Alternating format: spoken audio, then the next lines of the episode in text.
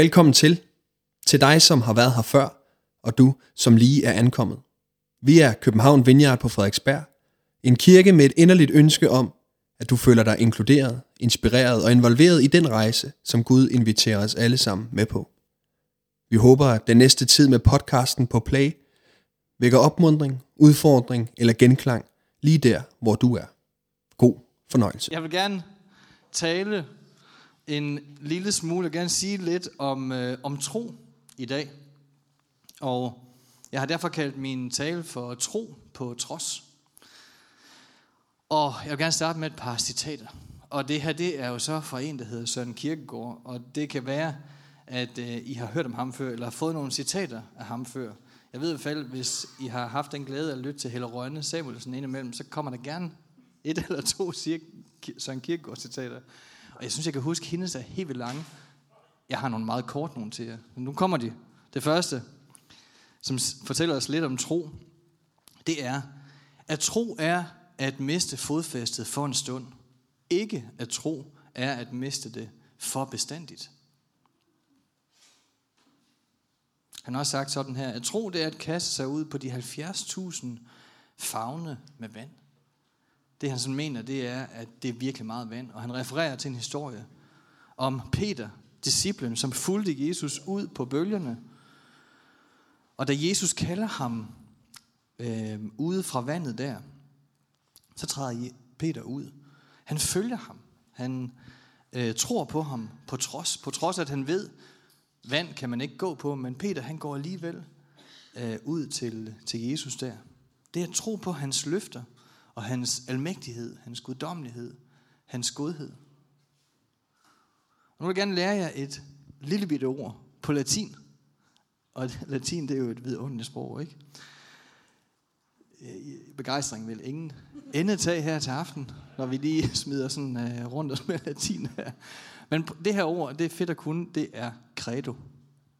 Det er ret kort, og det er et lille vidunderligt ord, som betyder, jeg tror.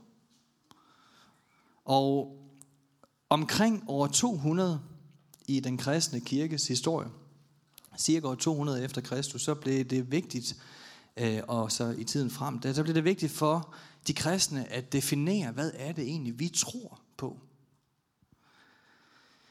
Og der var andre retninger, som også var dominerende dengang, og som man kunne øh, give sig til at tro på. Der var gnosticisme, øh, som man kan sige var en måde, øh, der udfordrede livssynet og kunne forplumre troen.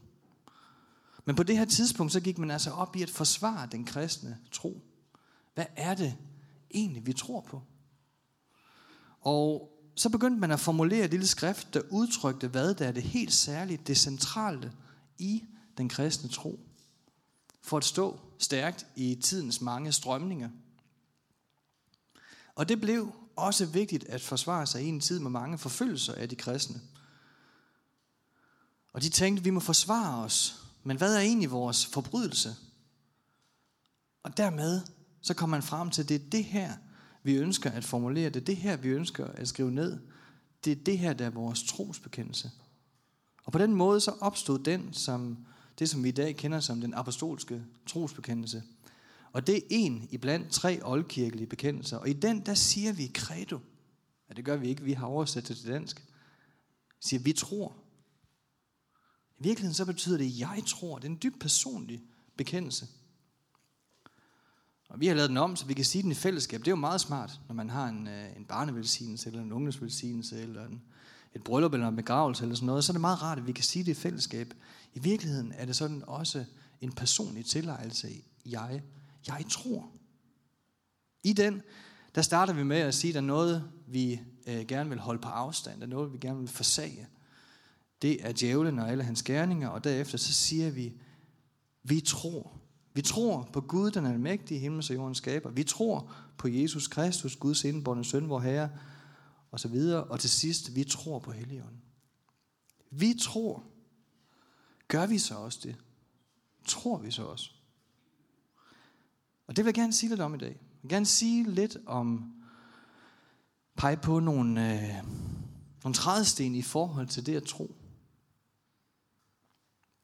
Og det er noget, der har rørt sig i mig i noget tid. Det her med at tro, at have en tro på Gud, at have en dyb tillid til ham. Det at putte ham øverst, uanset hvilken omstændighed du er i. Det at kalde ud på ham, uanset hvilken omstændighed du er i. Det at have tro på, at han stadig er en almægtig Gud, som stadig har omsorg for dig, der stadig er almægtig, der stadig har alt i sine hænder, der stadig har al magt i himlen og på jorden, der stadig gør mirakler, og der til stadighed opsøger dig med sin kærlighed, uanset hvor du er og hvad du går igennem. Troen på en almægtig Gud. Troen på en Gud, der kan gribe ind. Og have tro på Gud, at han hører dig. At han hører dig, når du råber. Og have tro på Gud, at han er i stand til at gøre det, som intet menneske kan, som kun han kan. At have tro på Gud, at han kan genoprette, at han kan løse selv de mest knudrede konflikter, at han kan skabe en vej, hvor der ikke er nogen, at han kan gribe ind, hvor der ikke er noget håb. At han kan helbrede og genoprette det, der er sygt, det, der er brudt, det, der er blevet dig frarøvet. At have en tro på Gud, at tro ham. Lad aldrig nogensinde nogen tage troen fra dig. Tro på ham. Tro ham for et mirakel. Råb til ham. Tro ham for, at han ser dig. Uanset om du er oppe eller nede, om udsætningen på knalderen, den driller. Eller andre problemer, man kan have. Uanset om du har et job, eller lige har mistet dit job. Uanset om du er syg eller rask. Om du går, om du står, om du ligger. Tro ham. Tro ham for, at han vil dig det godt. Ture at tro ham, at han vil dig det godt. At han har magt til at gribe ind, hvis han siger, hvis det passer, at han er den, han siger, han er. At han kan gribe ind i selv det mest, det mest uløselige mørke, eller selv den mest fortvivlede situation. Ha' tro, tro Gud. Og det står der noget om et sted i Bibelen, der hedder Hebræerbrevet i det nye testament. Der kan man læse om tro.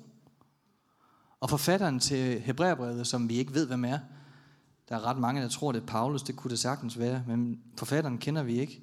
Han har et helt kapitel, som er dedikeret til det at tro. Og han ser ligesom tilbage på historien, og så nævner han en hel række folk, der troede Gud. Og det er bare lidt vild læsning, især for nordjyde. Der står tro, han starter Hebræerne 11, kapitel 11, vers 1. Tro er fast tillid til det, der håbes på. En fast overbevisning om det, der ikke ses. Det i sig selv er en god sætning. Hvem er de kristne? De render rundt og bekender en og tror på en. Men kan vi se ham? Hallo? Prøv lige at vise mig, hvor han er. Vi har tillid til det, der ikke kan ses. Og derefter så kommer der en helt fantastisk læsning. Og forfatteren, han vidste måske, at tro kommer af det, der høres. Måske. I hvert fald giver han nedslag i historien og tager eksempel på eksempel frem for de forfædre, der gik forud, men som troede. Og nogle gange, hvis vi har troløse perioder, så må man gerne have lov at låne andres tro. Og derfor, når man læser sådan et kapitel her, der kan det være trostyrkende. I tro fatter vi, at verden blev skabt. Der var ingen af os, der var der. Tror jeg, da verden blev skabt, vel? Men i tro fatter vi det. At Gud skabte verden. I tro frembragte Abel et offer. I tro blev Enoch taget bort. Men uden tro er det umuligt at behage ham. For den, som kommer til Gud, må tro, at han er til, og han lønner dem, som søger ham. I tro fik Noah, det var ham med arken, et varsel om det, der endnu ikke var at se, nemlig at der kom en masse regn.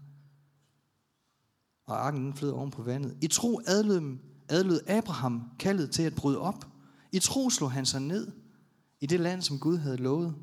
I tro fik Sara, der var ufrugtbar, kraft til at grundlægge en slægt. I tro bragte Abraham Isak som offer. Det vil sige, at han gik i tro. Isak blev aldrig offret heldigvis. I tro velsignede Isak Jakob. I tro velsignede Jakob begge Josefs sønner. I tro talte Josef. I tro holdtes den fødte Moses skjult af sine forældre. I tro forlod han Ægypten. I tro indstiftede han påsken. I tro gik de igennem det røde hav. Ved tro faldt Jerikos mure. I tro undgik skøen Rahab at omkomme. I tro og ved tro Og det er Hebræerbrevet kapitel 11. Man kalder også det her kapitel for troskapitlet. Det er jo ikke så underligt. Og forfatteren, som sagt, som vi ikke kender, han fortsætter. Hvorfor sige mere, spørger han. Jeg kunne jo også nævne, og så fortsætter han alligevel. Jeg ved ikke, om jeg tror, det er sådan et form for retorisk trick. Hvorfor fortsætte? og, så, ja, og så kommer der lige en håndfuld flere. Så nævner han lige en række navne mere. For hvem det kendetegnende, at de troede Gud, at de gik i tro, at de handlede tro, i tro, og de så Gud gribe ind. Og kapitlet afsluttes med lige at runde af med et blik til dem, der måtte lide døden for deres tro. De holdt ud til det sidste, også selvom de blev slået ihjel på grund af deres tro. Også selvom de løfter, som de egentlig troede på, de ikke så dem. Men de gik i tro og vandrede i tro. De troede Gud. Så det er altså lidt som om forfatteren her ønsker at sige til hebræerne, stå fast på jeres tro. Ha' tro, venner.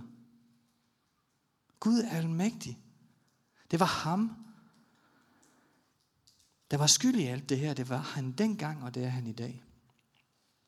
En norsk salme, en ret ældre sag, ældre sagen, tror jeg det er. Ja, det er en ret ældre sag det her. En norsk salme sætter meget fint, synes jeg, ord på, hvad det måske vil sige at tro. Og forfatteren til salmen skriver sådan her, at tro, det er, altså i en kristen kontekst, at tro, det er at lægge sig ned ved korsets fod, og begge arme strække, hvor Herre Krist imod. At tro, det er at slippe sin egen herlighed og fly til nådens klippe, til Jesu kærlighed. At tro, det er at bygge sit liv på Herrens ord og søge fred og lykke kun der, hvor Jesus bor. At tro, det er ikke bare at løbe stærkt og blive fuldstændig udmattet efter 8 km og smadre sine ben. Nej, det er at hvile på dig selv. Nej, på hans fuldbragte værk. At døden kunne smile i sorg at være stærk, at tro det at tage sin frelser fast i hånden vandre, alle dage var ledet af hans hånd. I selv de mest vanskeligste situationer. I selv de mest håbløse situationer. Og i selv de mest bekymrede situationer. At lægge sig ned ved korsets fod og strække begge sine arme imod Jesus. Gud, jeg har brug for dig. Credo, jeg tror.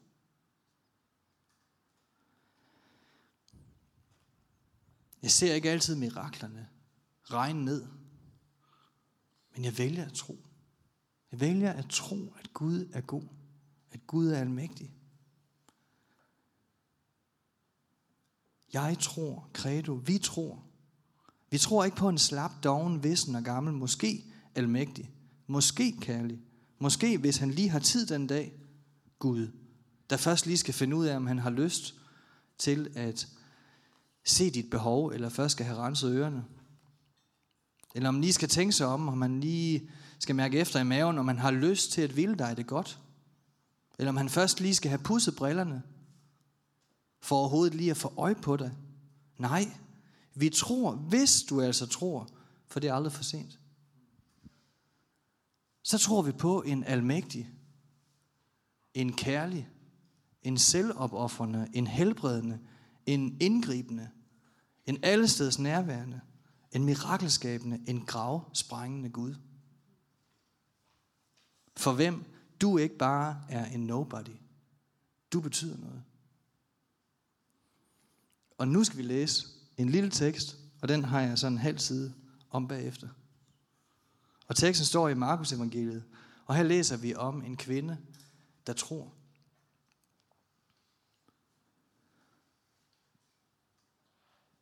I kapitel 5, Markus evangeliet kapitel 5, står der, der var en kvinde, som i 12 år havde lidt af blødninger, og som havde døjet. Det er også sådan et nordisk udtryk, de har taget ind. Hun, hun, har, hun har døjet. Og jeg er simpelthen døjet med mange, mange læger. Og brugt alt, hvad hun ejede, uden at det havde hjulpet. Det er rigtig træls. Vil jeg bare lige sige også. Det er træls at bruge alt, hvad man ejer på at gå til læge, og så hjælper det ikke en skid. Hun havde tværtimod fået det værre. Det er endnu mere træls. Hun har faktisk fået det værre af at gå til læge. Det er virkelig en virkelig en dårlig læge, det der. Hun havde hørt om Jesus. Og hun, altså det, det står her ikke, det er bare noget, jeg finder på. Ja, okay. Og hun kom frem i skaren bag ved ham. Hun havde hørt om Jesus, og hun kom frem i skaren bag fra, og hun rørte ved hans kappe. For hun tænkte, bare jeg rører ved hans tøj, bliver jeg frelst. Så får jeg en fri hals. Frelst betyder at få sin hals fri. Så er jeg ikke længere slave, så er jeg ikke længere lænket. Og straks udtørredes kilden til hendes blødninger, og hun mærkede i sin krop, at hun var blevet helbredt for lidelsen. Men Jesus mærkede straks på sig selv den kraft, der udgik fra ham, og han vendte sig om midt i skaren og sagde, hvem rørte ved mit tøj? Og hans disciple sagde til ham, du ser jo selv, hvordan folk trænges om dig, og så spørger du, hvem rørte ved mig? Han så sig omkring for at se, hvem der havde gjort det, og kvinden kom frem, skælvende af skræk, for hun vidste, hvad der var sket med hende, og hun faldt ned for ham, og hun fortalte ham hele sandheden. Og han sagde til hende, datter, din tro har frelst dig. Gå bort med fred, og være helbredt for din lidelse. I 12 år, lidt af blødninger, uregelmæssig blødning, har det været stress, overgangsalder, infektioner, knuder, vi ved det ikke. 12 år er lang tid. Og ikke nok med, at hun var syg, kronisk syg. Hun havde også brugt alle sine penge på læger. Uden held. Hun havde kun fået det værre. Men hun havde hørt om Jesus. Hvad gør man, når man er desperat? Når man er der, hvor der er ikke nogen, der kan fikse det, man står i, hvor pengene er sluppet op, hvor der ingen hjælp er at hente, hvor andre ikke vil røre ved en, hvad gør man så? Man vil gerne ud af den situation, man er i, men man kan ikke. Man sidder fast. Måske i gæld, i fattigdom, i sygdom, i desperation sidder man fast, men hun havde hørt om Jesus. Hun havde hørt om Jesus, fordi nogen havde fortalt om ham.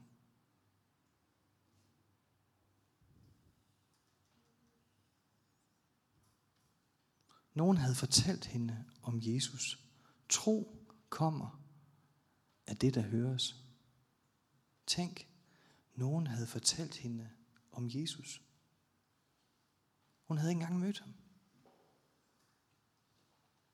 Og hun kom frem i skaren bagfra og rørte ved hans kappe, for hun tænkte, bare jeg rører ved hans tøj, bliver jeg frelst. Så lille er hendes tro. Bare jeg rører ved hans tøj. Kvinden havde hørt om ham, og måske tænkte hun, hvis det er ham, der er blevet lovet os, hvis det virkelig er Messias, så er der helbredelse under hans vinger, og hun griber ud. Hun tror, hele hendes trosbekendelse ligger i den handling, at gribe ud efter ham.